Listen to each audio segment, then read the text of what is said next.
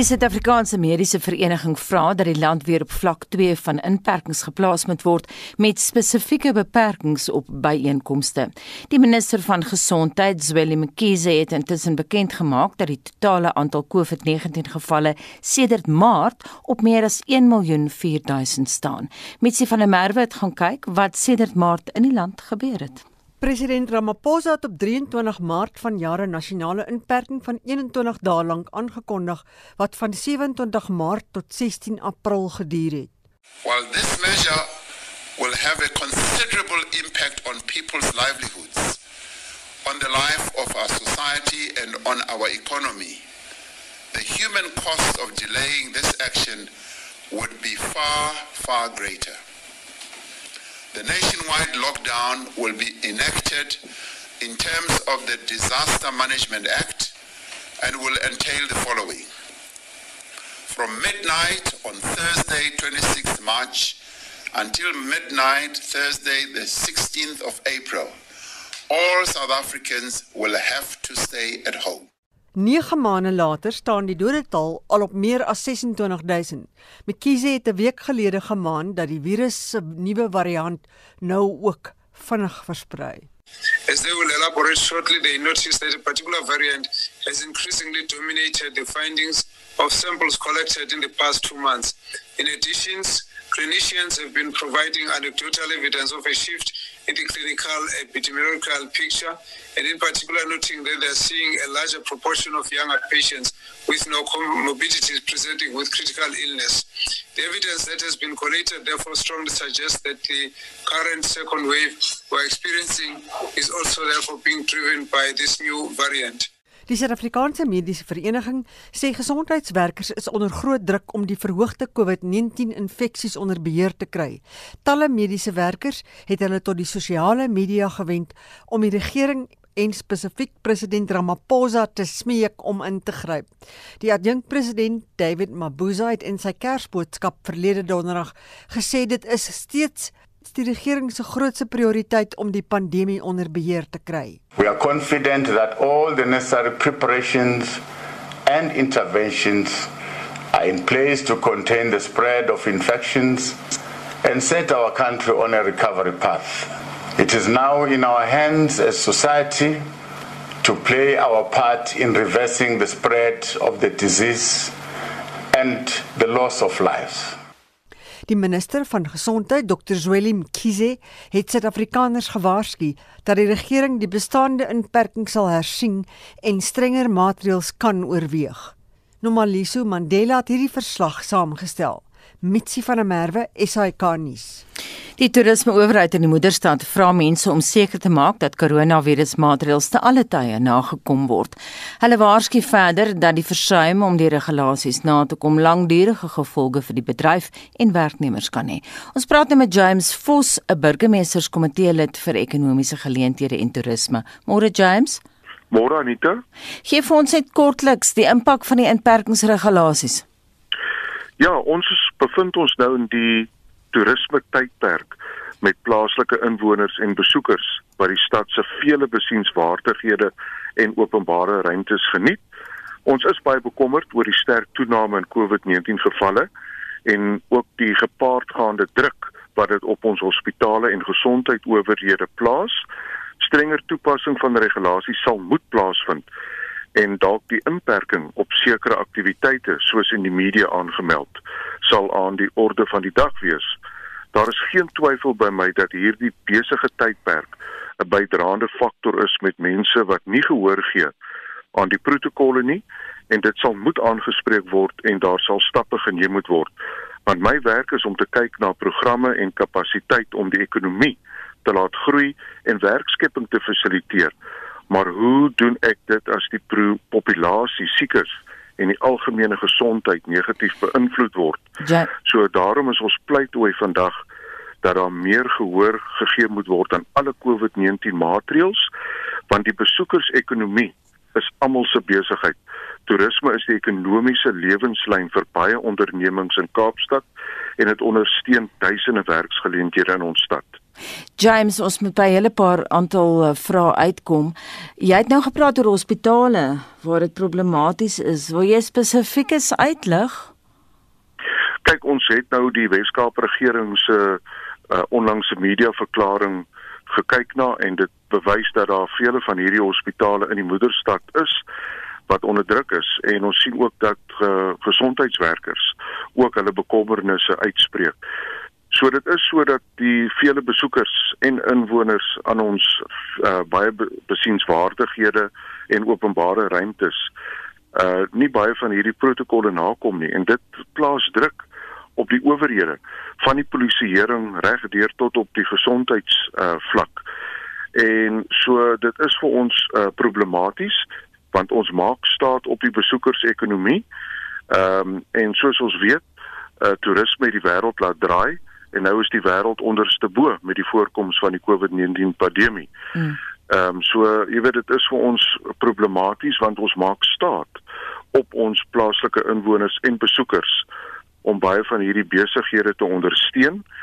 Maar ons weet dat toerisme sal terugkeer. Ehm mm um, en ons moet seker maak dat mense na mate die sektor weer groei, die voordele in die ve, in die vele samelewings aspekte gevoel kan word veral waar dit die nodigste is want toerisme is 'n lewenslyn vir baie van ons klein besighede van akkommodasie tot vervoer, restaurante, vermaaklikheid en so saam met stad Kaapstad en ook ons bemarkingsorganisasie Kaapstad Toerisme het ons alomvattende en verrykende herstelstrategie hmm. ontwikkel wat ons noem die bounce back plan om te verseker dat ons die talle sektore wat die toerismebedryf ondersteun met verskillende programme wat daarop gemik is om die aanvraag en aanbod te verhoog wat hmm. besigheid sin maak. Baie dankie en Susie James Vos, hy is 'n burgemeesterskomitee lid vir ekonomiese aangeleenthede en hy het vanuit die moederstad met ons gepraat. Op 19 Maart van die jaar het Monitor 'n onderhoud gevoer met 'n fotograaf wat spesialiseer in troues. Stella Eis het haar stres oor die impak van COVID-19 op haar besigheid so aan ons verduidelik. Dit is enorm en van maandagooggend ek wakker word en my eerste e-pos gelees het tot nou wat donderdag is, staan ek nou op nege troues wat in die volgende 8 weke sou plaasvind wat uitstel na nuwe datums toe. Dit is 'n emosionele tyd natuurlik vir die bruidspare want hulle beplan al hoe lank aan hierdie troues. Maar vir ons as verskaffers in die trouindustrie kan hierdie ons moontlik ons besighede knak. En my realiteit is vir die volgende 8 weke is dit ek sonder inkomste skies. Ek raak emosioneel oor dit, maar dit is 'n baie onseker tyd vir ons. Ons probeer ons kliënte soveel as moontlik akkommodeer met nuwe datums dat dit nie kansellasies moet wees nie, maar eerder dat ons dit uitstel. Maar tog, die effek van om dit uit te stel beteken dat ons dit nou uitskuif na nuwe datums toe wat einde van die jaar volgende jaar is wat nou weer ons nuwe trouseisoen is waar ons nuwe kliënte kon bespreek het. Ons kry ook die inkomste eers dan ook van hierdie besprekings. Dit is 'n verskriklike onsekerheid. Dit is baie emosioneel vir ons. Ek raak te bang om na my e-pos te kyk of my foon te antwoord want ek verwag heeltyd die volgende een gaan inkom. Dink jy jy sal jou deure moet toemaak of sal jy kan oop bly en uithou en aanhou tot volgende jaar? Ek gaan moet oop bly. Ek ek het eenvoudig nie 'n keuse nie want ek word 'n jaar vooruit bespreek vertroue. So ek is in volle daar vir my besprekings wat ek het.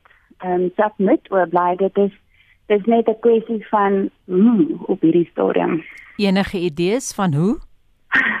Ek ek weet vir myself ek ek spesialiseer in troues. Ek is nou vir 18 jaar lank 'n professionele fotograaf en vir die laaste 10 jaar spesialiseer ek net in troues. En op hierdie stadium met wat aangaan vir die troues is daar nie troues wat vir my gebeur vir die volgende 8 weke nie. Dis ook Oh, ek weet nie, ek is ek is verskriklik ehm um, dit is moeilik. Ek kan nie vir jou sê ek ek is bereid om weer familiefoto's te doen enige iets van die aard.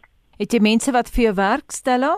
Ek het een persoon wat voltyds vir my werk en dan het ek vreeslik baie ander besigheidsonkoste wat nog aangaan. Dis basies nou om planne te maak van hoe gaan mens gate toe stop. Dit dan die fotograaf Stella Eis wat in Maart met Monitor gepraat het. Intussen het sy nog 'n moeilike jaar agter die blad, alhoewel sy nie kans gesien het vir nog 'n onderhoud nie, het sy per WhatsApp die volgende aan ons geskryf: Ek het my hele 2020 verskuif na 2021. 31 troues geskuif, 6 troues gekanselleer. Een troue wat wel in September plaasgevind het, dit was egter hulle derde datum vandat vandat lockdown begin het en ek begin begin eers weer in Januarie werk. Slegs genade van bo het my sover gekry en ek sien uit aan die lig in die tonnel wat ek kan begin sien. Ek dink die hele bedryf is steeds baie angstig oor die toekoms, veral met die spike wat tans gebeur. Kliënte is al op hulle derde datums en almal is bang dat daar weer geskuif moet word. En dan Stella Eis, die fotograaf, en ons bly by die impak wat die COVID-19 pandemie van jaar op klein sakelei gehad het. Die 50-jarige Chris Willemse bedryf al vir 22 jaar lank 'n besigheid, Okasi, geskoei op trou en ander seremonies. Willemse verskaf werk aan 40 mense. Okasie op Stellenbosch verskaf blomme en ook meubels en het darm nog nie sy deure gesluit nie, soos wat Chris aan Monitor verduidelik het. Anita, hoeveel tyd jy?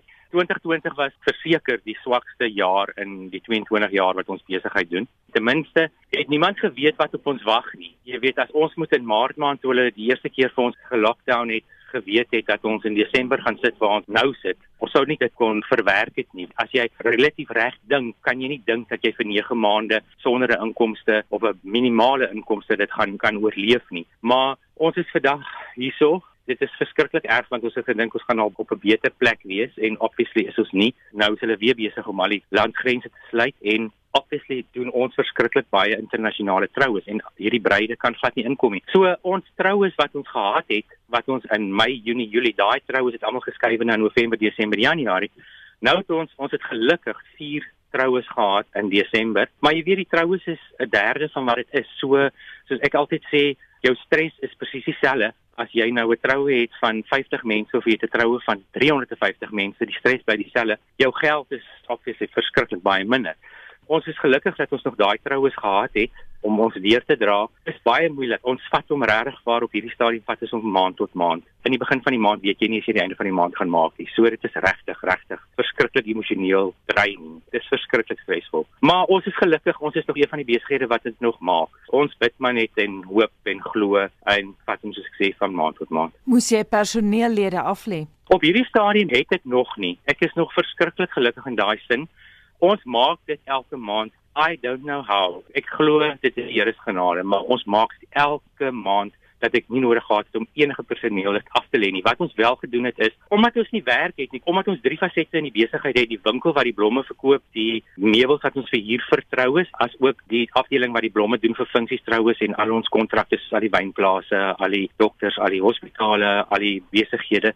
Maar jy weet al hierdie mense is ook in lockdown, so almal se begrotings is gesny na 'n derde toe as ons gelukkig is. Wat ons nou gedoen het met die trougedeelte en die meubelgedeelte, die winkel moet kan oop bly, maar die meubelgedeelte en die trougedeelte het ons byvoorbeeld nou vir die mense gesê, jy weet, ek kan hulle nie net ek kan dit oor my hart kry. Ek op 'n punt gaan ek dit moet doen as ons nie meer langer kan nie, maar terwyl ek dit nog kan doen, wil ek net almal probeer hou want weet van hierdie mense is so 20 jaar by my. Dis part of the family. Mm. So ons probeer regtig waar as dit nou vir hulle gesê hulle moet nou maar Januarie maand die hele maand afvat en daai tyd wat hulle in Januarie maand afvat, gaan ons nou maar ophoop en as ons weer begin, ons bid en hoop dat ons teen Maart weer kan begin want Maart, April, ons weet nie, ons hoop dat hulle daai tyd dan kan terugwerk in oortyd. Hulle verstaan dit ten minste, hulle weet ons probeer almal die boot help dat die boot nie sink nie, maar elke ou in die in besigheid moet nou maar sy deeltjie doen en dis al hoe ons op hierdie stadium kan dink hoe ons dit gaan kan doen. Chris, in terme van Januarie, dit sal dan betaalde verlof wees vir jou personeel. Ja, wat ons gedoen het, ons het vir hulle gesê Januarie is betaalde verlof maar hulle ja hulle moet ongelukkig hulle vakansie nou in Januarie vat want as dit dalk optel in Februarie en Maart die enigste ligpunt in die tonnel is dat as hierdie ding kan verbykom gaan ons ontsettend besig wees. Ons gaan besiger wees dink ek as wat so groot in ons lewens was. Ons moet daar kan uitkom en ons moet hierdie boot aan die dryf hou tot dan. En dit is wat verskriklik sinitergend is wat niemand weet wat gaan gebeur nie. Op hierdie stadium het ons vir hulle gesê vat julle 2021 vakansie in Januarie. Chris, hoe het jy jou besigheid geherstruktureer? Ons het um, begin om stoffeerwerk te doen want ons het 'n stoffeerder wat vir ons werk, so ons is besig om buitewerk in te neem vir stoffeerwerk. Ons het begin om interieurs te doen en dan het ons pop-up shops met plante en kersse, so as klein winkeltjies op verskillende plekke wat ons met pop-up shops doen, net om al die personeel besig te hou en om 'n inkomste te probeer kry. Dit dan die klein sake besigheidsman Chris Willemse wat vanuit die Kaap met Monitor gepraat het. Die voormalige raadsvoorsitter van die SAL, Dudu Mjeni, is verlede week 'n driedubbele slag in die hof toegedien. Die Hooggeregshof in Pretoria het haar aansoek om appel teen die bevel dat sy as onbevoegde direkteur verklaar is van die hand gewys. Sy mag ook geen verdere bewysstukke indien nie. Die hof het ook 'n kostebevel teen haar toegestaan. Die organisasie teen belastingmisbruik Alta se Wayne Divenage is verheug oor die nuus. Well, we're ecstatic. That's exactly what we wanted. We fought hard for this case to have her declared as a delinquent director. And we believe she has no grounds for an appeal, and the court agreed with that argument. So uh, it doesn't mean to say she can't petition the Supreme Court, but we don't believe they will even entertain that uh, petition. But let's see what happens. The justice system is a fair one, and, and let's see where that goes. We know they are going to petition the Supreme Court, but we're ecstatic with the judgment. Die hof het ook 'n kostebevel teen haar gebring. So we'll go after her for the costs and we will be pushing to make sure that the two boards that she is still on, the Centlec board and this Jacob Zuma Foundation board, remove her from those boards. She may not sit on those boards. That's a order of the court now. CIPC, we see, has already listed her as a disqualified director, in other words, a delinquent director. And she cannot be on those boards. So they have to make that announcement, and we want to see them removing her from those boards. Die nasionale vervolgingsgesag moet nou besluit of hulle Mjeni gaan aankla. We have uh, made sure that they do have the uh, judgments that have been sent down by Judge Tolmay. And we believe that coming from that and the input given in the Zonda Commission, there's enough evidence for her to be prosecuted criminally and to spend time in jail if she's found guilty. Duvenage is vol vertroue dat die NVG haar wel gaan vervolg. The NPA of today is not the NPA under Sean Abrams, although they have been decimated through the state capture period and they're under a lot of pressure and have a shortage of skills. They're doing a good job under these circumstances. It might take a bit longer, but they will get there. They are serious about uh, holding people to account and prosecuting, as we've seen. Just a few months ago, everybody was saying nothing will happen to Ace Magashula. Well, that's not the case. He's in court in February, and we believe the evidence is strong there. So the NPA doesn't lay charges flippantly as they did under Sean Abrams' days. Remember amount of times he charged and then had to withdraw those charges. Die regskenner verbonde aan die Universiteit Pretoria, Llewellyn Koloos, omskryf 'n kwaadwillige of misdadige direkteur. Dit by implikasie is gebaseer op uh, die uitspraak van die regter wat gesê het sy was oneerlik, sy was onder andere nalatig, roekeloos geweest in haar optrede en dis meer. As mens gaan kyk na regter Tolmys uitspraak dat uh, Dure Munyeni met onmiddellike effek van alle direkteursposte verwyder moet word onder andere die feit dat sy die voorsitter was van die Jacob Zuma Foundation en 'n paar ander. Sy het dit verloor met koste en 'n hof het met ander woorde bevind dat sy op geen wyse hoegenaamd geskik is om in enige pos as 'n direkteur te dien nie. Kerloos sluit ook nie verdere vervolging uit nie. Daar gaan ook in die toekoms definitief een of ander vorm van miskien 'n ondersoek wees na moontlike misdadige optrede soveel so dat ek voorsien dat die nasionale direkteur van openbare vervolging dalk in die toekoms haar kan vervolg vir sulke optrede waar sy haarself onskuldig gemaak het oortredings van die maatskappye wet onder andere. Wat sou gebeur as sy wel 'n direkteur van 'n maatskappy word? Wel die maatskappye wet verbied dit pertinent. As jy jouself skuldig gemaak het en jy is bevind dat jy sodanige direkteur is soos by die hof bevind het, dan is jy op grond van die wetgewing onbevoeg en ongeskik om in daardie kapasiteit en enige kapasiteit as 'n direkteur hoegenaamd te dien. Dr. Llewellyn Kerloos is 'n regskenner verbonde aan die Universiteit Pretoria. Mitsi van der Merwe, SAK nuus.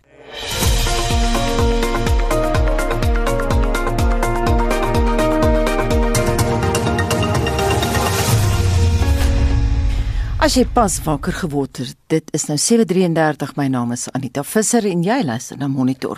'n Anonieme luisteraar het onlangs die wenkbroue hier by Monitor laat lig met die volgende SMS en ek lees dit weer eens woordeliks. Met daaglikse kommer oor waar ek werk sal kry en slaapplek wil ek nie meer aan Kersfees dink nie. Die swart hond het my lewe oorgeneem. Mag ek bid om iets oor te kom. Dit sal soveel beter wees. Nou die noodkreet het ons genoop om 'n onderhoud te voer met professor Pieter Kreur van Noordwes Universiteit se Instituut vir Sielkunde en Welstand oor depressie en die verskeie vorms wat dit aanneem. Hy waarsku dat selfs hoogs funksionele mense aan verskuilde depressie kan lei. Statisties weet ons dat ongeveer tussen 20 en 27% van die Suid-Afrikaanse populasie sukkel met 'n gemoedstoornis soos depressie. So dit hang maar af van omstandighede en partykeer tyd van die jaar ensovoorts, maar dit beteken ons 'n groot klomp mense, 1 in 5, 1 in 4 partykeer volgens sekere statistiek wat ly aan depressie. 'n Groter probleem daarvan is baie keer met die hoogs funksionerende mense wat nie die simptome herken nie. So dis iets wat nuut en vreemd is vir hulle. Hulle voel hulle is net bietjie in 'n gat en nou probeer mense daardeur te worstel en kom nie agter dat dit kyk kom eintlik tot op die punt waar dit 'n gediagnoseerbare verstoring is nie. En ek vind daai amper moeiliker want dis mense wat nie besef daar's hulp buitekant nie. Hulle weet nie wat om daaraan te doen nie en hulle probeer net kop afhou en deurdruk. En hmm. ek ek voel amper dis waar ons van die grootste probleme sien omdat mense hulle self dan net dieper in hierdie gat ingrawe. En die probleem ook dat hulle hoogs funksionerend is. Hulle gaan net aan. Ja, as jy na die simptome van depressie gaan kyk, wat dit eintlik in teorie gaan sê is dat jy moet of 'n lae gemoed hê of jy moet 'n uh, weet goed wat jy voorheen sou geniet het, verloor jy ewe skielik belangstelling in. So dis baie keer subtiele simptome wat deurkom. Dit kan wees 'n verandering in gemoed, dit kan wees jy sukkel skielik om te slaap of jy kan nie fokus en konsentreer nie. Ons sien baie keer goed soos of gewigsverlies of mense wat meer begin eet. So die simptome lyk baie subtiel, maar as jy dit bymekaar begin tel en kyk met die kriteria om met 'n depressiewe verstoring gediagnoseer te word, is vat dit nie baie om hierdie bymekaar te sit nie. En dis baie keer hoekom mense probeer net deurstoei en hulle eie ding doen. Hulle kom nie agter hulle moet eintlik 'n klein bietjie meer gestruktureerde hulp kry nie. Mm -hmm. Wat van irritasie en aggressie? Dis 'n klassieke simptoom wat jy gaan sien. Uh, een van die kriteria is nog ons daar beskoei dat jy hoef nie noodwendig altyd laag te voel nie. Dit kan in die vorm van aggressie en irritasie deurkom. Daar's 'n interessante aparte in die gemoedversteuring kategorie wat hulle noem disruptive mood dysregulation disorder waar die simptome grootendeels daarvan is met hierdie gemoedsuitbarstings 2 of 3 keer 'n week wat disproporsioneel is tot wat die probleem is of tot wat die situasie is. En dis ook een van die goed wat onder die gemoedversteurings val, maar mense sien dit maar net as weet ek is eers uh, moedeloos of ek is uh, ek het eers genoeg gehad en hulle kom nie agter dis eintlik deel om in hierdie versteuring kategorie in te gaan nie. As luisteraars wat nou hierdie onderhoud uh, luister vanoggend dink hulle ly dalk aan depressie, wat is jou raad aan hulle want daar is nie noodwendig hierdie tyd van die jaar professionele hulp beskikbaar nie. Die grootste probleem is mense weet nie wat die, die benchmark is nie. Hulle weet nie wanneer is dit problematies en wanneer is dit 'n lae gemoed nie. En as jy op die internet gaan soek, daar's soveel misinformasie en jy weet nie waarna om te soek nie. Een van die instrumente wat ons gebruik net om 'n screening te doen, so is nie 'n diagnostiese instrument nie. Hy gaan jou nie 'n diagnose gee nie, maar is iets wat genoem word die DAS 21, DAS wat die depression, anxiety en stress scale is. Nou, hy het net so 21 vrae en hy's vrylik beskikbaar op die internet. So is 'n baie goeie screening tool om te gebruik net om te sien my simptome wat ek tans het, hoe vergelyk dit met die algemene populasie. Want hy gee gewoonlik 'n baie mooi interpretasieskaal oop wat jy mooi kan gaan sien wanneer begin dit in die mild, moderate en severe kategorieë in te gaan. En ek dink baie keer as jy wonder oor my simptome en weet is ek op 'n goeie of op 'n moeilike plek, wat jy wel kan doen op daai stadium is om uh, dalk so iets te doen net om te kyk hoe vergelyk jy met 'n populasie wat dieselfde as jy is op hierdie stadium. Sou 'n mens jouself laat beter kon voel sonder professionele hulp? Definitief. Die model wat ons gebruik om te probeer verklaar, sê die psigososiale biopsigososiale model. So daar's 'n biologiese komponent by betrokke. So party mense is geneties meer vatbaar en ook goed soos jou breinchemikalieë speel 'n rol. Maar daar is psigososiale wat beteken sosiale faktore en psigologiese faktore soos kognisies en gedagtepatrone wat alles ook 'n rol speel. So daar's verskillende entry points wat mens kan vat om hierdie ding aan te spreek. Ek dink die eerste ding is jy moet net eers weet waarteen jy op is, jy moet weet wat die simptome is en jy moet verstaan ook hoe jou gedagteprosesse die kognisies hiertoe kan bydra. Want ten minste uit 'n selfhelp hoek uit gee dit jou 'n verskeidenheid van goed waaraan jy kan aandag gee. Fokus vir ons 'n bietjie op een kategorie wat besonder belangrik is. Uit 'n gedragshoek uit, iets wat verskriklik belangrik is, is gereelde beweging. Uit die aard van die saak goed soos oefening om na jou dieet te kyk om seker te maak jy kry genoeg slaap en hierdie goed kan al reeds op 'n biologiese vlak ook 'n rol speel. Maar uit 'n gedagteproses, uit 'n kognitiewe hoek uit, is dit baie belangrik om agter te kom wat daai stem in jou kop doen. Mense prefrontale korteks, die voorste deel van jou brein, het jy heeltyd 'n uh, bewuste stem wat deur jou kop gaan, maar dis op 'n punt wat mense baie keer nie agterkom weet wat die inhoud daarvan is nie. En as jy eintlik gaan stop en jy dink oor wat jy dink, kom jy agter as baie keer hierdie ondertoon van aanhoudende negatiewe gedagtes. En ek dink as mens agterkom waaraan jy dink, gee dit mense beskrikkelike goeie vertrekpunt om te sê okay, maar kom ek gaan herassesseer dit net probeer die gedagteprosesse, die stem in jou kop verander, wat ons weet 'n baie sterk impak op die limbiese stelsel, jou gemoedsregulering deel in die brein het. En hoe verander jy jou gedagtes? Daar's twee goed wat mens kan doen. Jy kan of die disengagement strategies volg, so dis iets soos mindfulness, dis waar goed soos meditasie inkom wat jy amper probeer ophou dink. Soos mens daai stroom van denke kan stop, partykeer net in die oomblik wees, geniet wat jy doen, wees waar jy is, plaas daarvan om ergens in die, die toekoms te wees en te bekommer of ergens in die verlede vasstaak en te wonder oor die as en wat en as dinge maar net anders kon wees. So dis daai vermoë om in die oomblik te wees. Ander een is die gedagte herstruktureer tot restructuring proses wat gaan daaroor om te sê as jy die negatiewe gedagtes het. Basiese vraag wat ons sê wat mense vir hulle self moet vra is: Waar is die bewyse daarvoor? Punt 1. Punt 2: As jy bewyse daarvoor kry, hoe help dit jou om so te dink? Seker die belangrikste vraag wat ons altyd sê vir mense om hulle self af te vra is: as jou beste vriend of vriendin in presies dieselfde situasie was, wat sê jy hulle geadviseer? En dit is interessant hoe die brein werk dat ons is baie goed daarmee om vir ander mense logiese, behulpsame advies te gee, maar as dit by onsself kom, dan verloor ons totaal op perspektief. En so sê professor Pieter Creer van Noordwes Universiteit se Instituut vir Sielkunde en Welstand wat vroeër met Monitor gepraat het. En ons bly by die tema van depressie. Monitor het ook by 'n psigiater, Dr Kobus Rookers opgesteek oor die toestand spesifiek gedurende die feestyd. Die ene wat ek nou bietjie gedink het is hierdie hele idee van holiday blues. Dink ek kom baie meer van die noordelike halfrond af want ons kry iets soos 'n seasonal affective disorder of 'n tipe depressie wat in die wintermaande aankom. So in die noordelike halfrond is dit altyd oor Kersfees wintertyd. Ons kry 'n groot insidensie van depressies in die wintertyd wat gekoppel is aan die klimaat. Maar dan natuurlik is daar ook depressies in die vakansieseisoen oor sekere faktore wat met die vakansie gepaard gaan. En ek dink die belangrikste ding is mense iewers is daar so ondersoek gedoen wat hulle gesê het 64% van mense wat aan psigiatriese of geestesstoestande ly, sê hierdie Kerstyd is vir hulle erger. En die groot ding daarvan is dat daar's verwagtinge van mense dat dit moet goed gaan. Daar's finansiële druk omdat mense 'n klomp geld uitgegee het vir Kersfees. Daar's eensaamheid want baie mense is weg en jy's alleen. Dan is die ander ding 'n familie dat mense al dink aan familie en dan die mense wat nie goeie kontak met hulle familie het nie, mis dit. Daar's klomp faktore wat dit triggers soos ons noem. Kobus dink jy sosiale media vererger die prentjie want as 'n mens kyk na mense se Facebook plasings dan lyk dit asof almal die mees wonderlike glanslewe lei. En ons weet almal dis nie waar nie. Ja. Niemand plaas hulle gewone inkopieslyste op Facebook nie. Dink jy dit kan lei tot 'n gevoel van ek hou nie by nie? Dis 'n interessante ding. So aan die een kant is dit so dat die feit dat almal maak of dit so goed gaan met hulle laat jou meer alleen voel, né? Nee, want as dit nie met jou goed gaan nie, dan dink jy ek is die enigste een wat 'n uitvaller is. Maar daar's soveel studies al gedoen wat wys dat mense wat goeie kontak met ander mense op Facebook het, dit bou eintlik 'n resilience want dit gee jou daai gevoel ook van ek is deel van 'n gemeenskap. Ek sal nie sosiale media blameer nie. Ek dink daar's faktore van sosiale media wat dit slegter maak, net soos wat daar faktore van allerlei goed is soos wat die omstandighede slegter maak. Die hele vakansieseisoen en die joy in vakansie sal iemand wat nie so voel nie eensaam laat voel. Dit gebeur ons werk oor vakansietyd en ons sien ook baie meer mense wat met selfmoordpogings inkom. En daar's baie faktore wat dit ook doen. Nommer 1 is daar 'n uh, oormaat van drankgebruik en ongesonde eetgewoontes. Mense is uit hulle rotines. So dit het ook 'n faktor. Ek dink nie die vakansietyd as sulks maak mense meer depressief nie, maar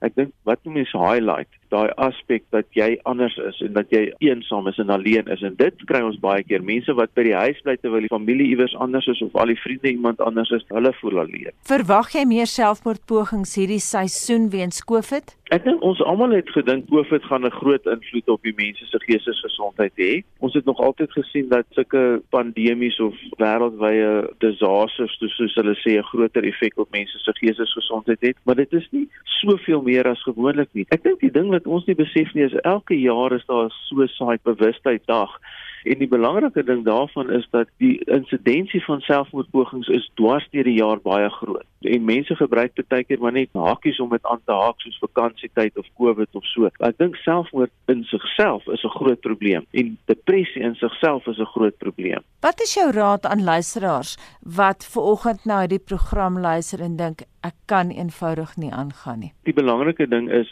daar's twee tipes mense, daar's mense wat al voorheen gediagnoseer is met 'n geestesgesondheid, 'n geestesiekte en dan is daar mense wat vir die eerste keer so voel. So mense wat al voorheen gediagnoseer is met 'n geestesiekte, moet besef baie keer in die vakansietyd voel mense ook eensaam want hulle voel hulle dokters is met verlof, hulle weet nie waartoe kan hulle gaan nie. So mense moet sorg dat hulle normale netwerke in stand gehou word, dat hulle hulle medikasie gereeld gebruik, dat hulle opvolgbehandeling kry selfs in die vakansietyd. En as jy dan jou depressie vererger, want daar is baie mense wat se depressie vererger oor vakansietye, dan moet jy gaan vir hulp na jou huisdokter toe, na jou normale dokter, na mense wat jy ken. As jy 'n krisis het, dan is daar SADC wat baie oproepe oor hierdie tyd kry van mense wat so al verlate voel. SADC se hulp is maklik om in die hande te kry. Die eerste ding is jy gaan na sadc.com op die internet of jy bel hulle noodlyne. Daar's 'n 24 uur noodlyn. Dis alles 0800 0800 456 456 of 0800 56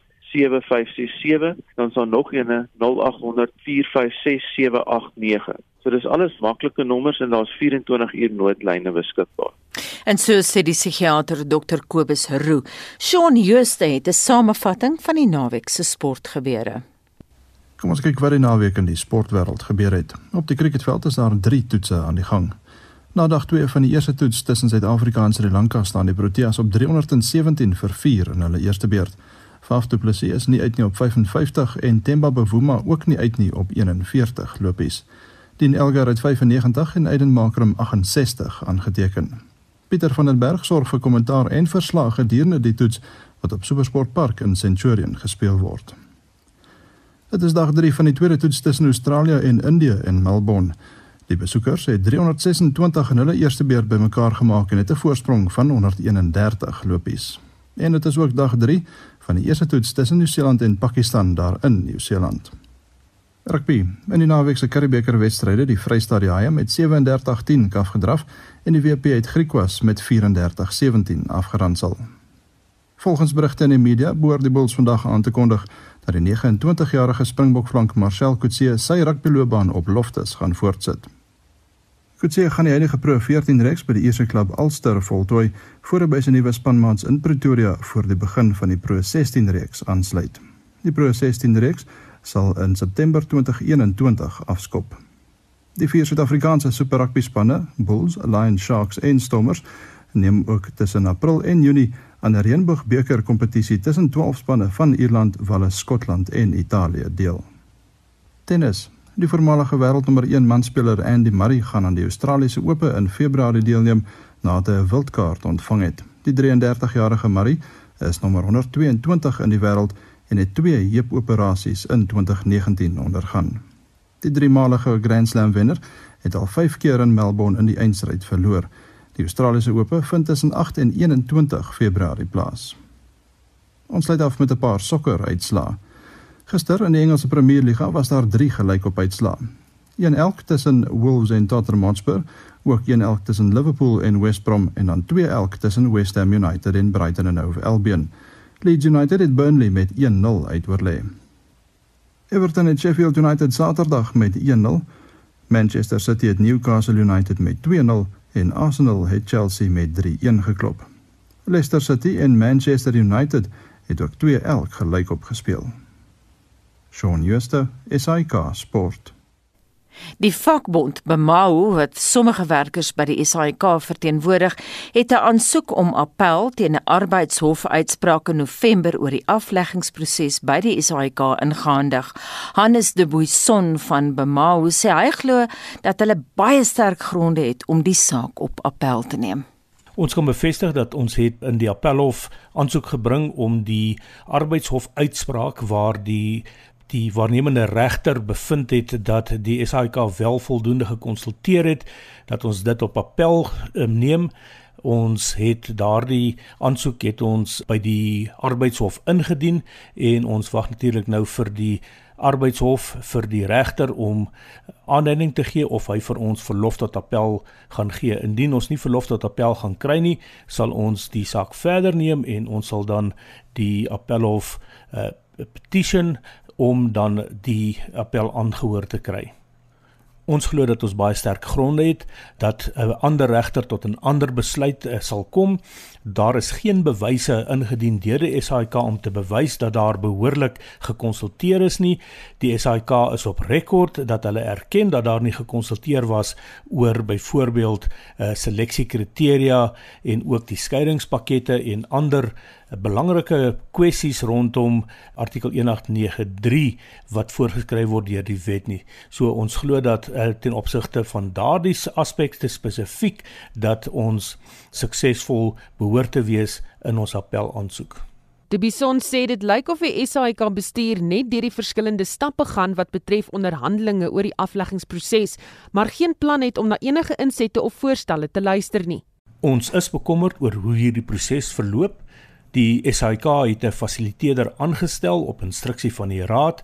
Daardie fasiliteerder het 'n bepaalde idee en dit is internasionale standaard oor hoe hierdie konsultasieproses moet verloop gedurende die loop van die konsultasieproses laasweek het die fasiliteerder amper sy goed gepak en geloop omdat hy van mening was dat die SAIK nie noodwendig 'n regverdige proses volg nie. Daar is besluit dat die kwessie waaroor die fasiliteerder ongelukkig was uitgestel sal word. Ons het gister oor daardie kwessie gepraat en dit blyk asof die SAIK nie gaan toelaat dat ons met ons lede konsulteer ten opsigte van die finale aanbiedings ten opsigte van die struktuur wat gister gemaak is of voltooi is ten minste deur die SAIK nie. Ons is nou in die Kersseisoen. Baie mense is eh, weg met vakansie, baie mense se eh, fone en rekenaars is afgeskakel. Hulle is nie by die werk nie en dit is bykans onmoontlik om werknemers in die hande te kry om hierdie finale strukture met hulle te bespreek en dan soos wat die fasiliteerder voorgestel het om daardie insette van werknemers en dan ook onsself aan die SAIK voor te hou. Dan is daar natuurlik nog die kwessie van die seleksiekriteria waaroor gekonsulteer moet word. Die SAIK het op 'n slinkse manier daaruit probeer kom deur weer eens net voor te stel ons moet dit skriftelik doen. Ons het egter daarop aangedring dat daardie sessie in besonder deur die fasiliteerder behartig word omdat ons gister weer eens gesien het dat indien daar nie 'n fasiliteerder is nie dat die SAIK op 'n baie likrake wyse omgaan met hierdie proses dat hulle regtig nie respek het vir werknemers se regte nie en dat dit vir ons bloot lyk asof hulle besig is om die indruk te skep dat hulle wel aan 'n regverdige proses voldoen. Ons is in besonder bekommerd oor 'n verklaring wat gemaak was deur die hoof van radio waar sy gesê het dat die raad 'n mandaat gegee het om te gaan konsulteer, maar dat so sy dit gestel het, the bottom line must remain the same. Dit in ons opinie is nie goedertrou konsultasie nie.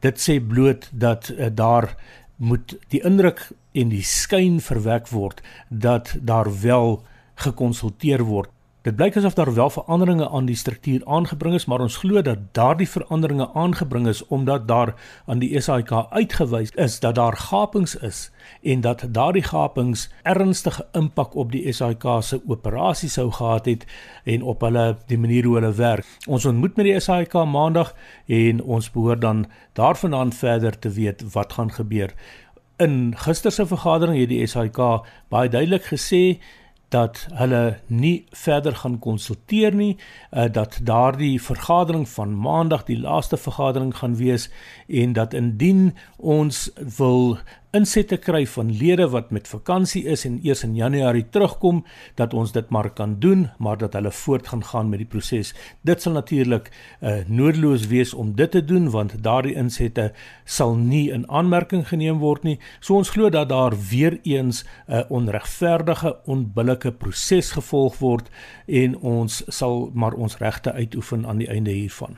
En so beloof Hannes de Buisson van Bemau en hy het met Susan Paxton gepraat praat. Die bekende aktrise, vryskutskrywer en regisseur Liz Meyering is nie iemand wat maklik afskakel nie. Trouwens, Liz beskryf haarself as 'n persoon wat nie maklik 'n blaaskans vat nie. Dit beteken dat sy selfs in Desember besig is om te werk. Dis boonop die ideale tyd reken sy om in te haal met agtergeblewe idees en skryfwerk. Liz het haar filosofie oor COVID, die teater en menswees met Monitor gedeel. Desember is gewoonlik die tyd wanneer ek skryf die nuwe dramas vir die volgende jaar en allerlei ander kortverhale en essays en rubrieke en nuwe sketse, nuwe materiaal vir my solo stukke wat ek gewoonlik landwyd opvoer. Dit is soos 'n skilder wat 'n portfolio van werk moet opbou vir die volgende jaar vir 'n uitstalling. So dit is presies dieselfde konsep. Ek verstaan nie heeltemal mooi die konsep van vakansie nie. Ek dink ek is 'n triple A persoonlikheid. Ek weet daar is nie so iets nie, maar niks maak my so gelukkig soos om kreatief te wees nie. Ek is maar soos die Engelse sou sê pressure prompted. Ja, ek gaan bietjie huis regpak wat 'n aaklige werk vir my is om te doen. Dis my so verbeeldingloos. Ek wil my omgewing mooi maak en so hierdie jaar moet ons maar versigtig wees. Ek het pelle in die bedryf wat van letterlik hyper versigtig is wat hazmat suits dra as hulle die deur oopmaak tot mense wat nie so bekommerd is oor die koronavirus nie. Ons moet ook verantwoordelik wees, maar dis elkeen se persoonlike keuse. En dit was 'n baie moeilike jaar vir julle in die bedryf. Ek dink ons het so twee onderhoude met jou gevoer gedurende die jaar oor hoe julle sukkel, die kunste wat swaar kry. Gelukkig was ek nou die aand by Dirk Bardner se Mzansi ballet en van fantastiese opvoering en hy het ook die punt gemaak mens moet die kunste aanhou ondersteun as jy absoluut kan. Dis so 'n fyn lyn wat ons hier loop Anita want mense is moeg vir mense wat kla. En dis nie net ons bedryf nie. Dit is die restaurantbedryf, die kosbedryf, die gasvryheid bedryf en baie ander wat swaar gekry het. Jy weet mense loop in 'n winkelsentrum en jy sien hoeveel besighede moes toemaak en jy wonder oor al daai mense en hulle gesinne. So ek is deeglik bewus van die feit dat dit nie net ons is nie, maar ja, dit is 'n baie baie moeilike tyd. Ek het wel kleiner opvoerings gedoen in kleiner plekke deur die land waar ons al die COVID regulasies toegepas het.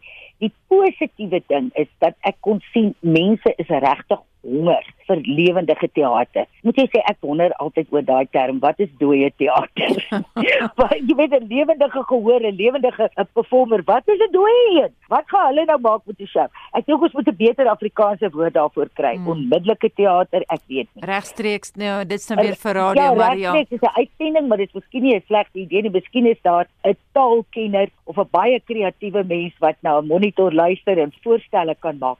Ek het net aanhou werk. Ek het nie een dag opgehou werk nie. Dit beteken nie ek kon televisie doen of 'n film of selfs 'n radio nie. Jy weet self met die ateljee, die sosiale distansiering is nie genoeg nie.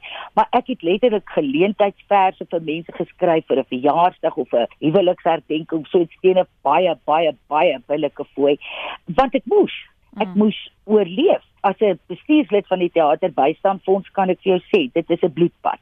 Onthou dis 6.5 miljoen mense van elke beroep. Dis nie net die kunstenaars nie en dis my baie belangrik dat mense moet verstaan. Dit gaan nie net oor die kunstenaars nie. Dit gaan oor die tegnisi, die logistieke mense, die produksiemense ensovoorts ensovoorts. Dit is 'n bedryf wat na beraming gewoonlik 14% bydra tot Suid-Afrika se bruto nasionale produk. So ons is nie inkonsekwent nie. Ons is 'n groot bedryf. Maar hier is die interessante ding. As jy 'n kreatiewe wese is, en dit is nie net tot die kunste beperk nie, natuurlik nie. Dan dwing sulke omstandighede jou om slim planne te maak. En daai slim planne is 'n goeie ding.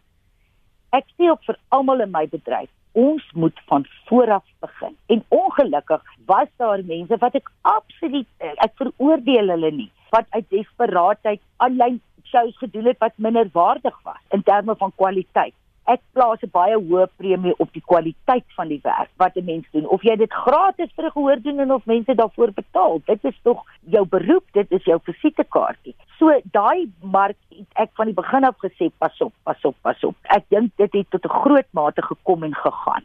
Ons is sosiale wesens as mense. So mense het daardie kontak, daai onmiddellike betowering die spelers, die tegnisi en die gehore het dit nodig. Nou sien ek venues is nou weer oop teen 100% kapasiteit. Dit is nou konferensie en troue venues en geleentheidsfunksie venues, maar teaters nie. Nou dit maak nie regtig sin nie. Ek probeer kyk na die breër prent. Ek is baie lief vir geskiedenis, soos jy weet, en ek probeer kyk na die perspektief. Elke 100 jaar is daar 'n pandemie elke 100 jaar is daar mense wat oorleef en mense wat ongelukkig nie oorleef nie. Daar was 'n artikel in die New York Times uit die argiewe van die Grieke voor Christus met 'n pandemie en hoe swak dit hanteer is. Ons moet net eenvoudig aangaan en doen wat ons kan om onsself en mekaar te help. In daai raad kom van die aktrise, die vryskutskrywer en regisseur Lis Meyering af. 759 dit is tyd om te groet. Onthou vorige uitsendings van Monitor is op RC se webblad as 'n potgooi beskikbaar. Gaan net na www.rc.co.za. Ons groet namens ons waarnemende uitvoerende regisseur Hendrik Martin, die man in die warm stoel vanoggend so na Kersfees was Justin Kennerly en ons produksieregisseur Daitron Godfrey My naam is Anita Visser.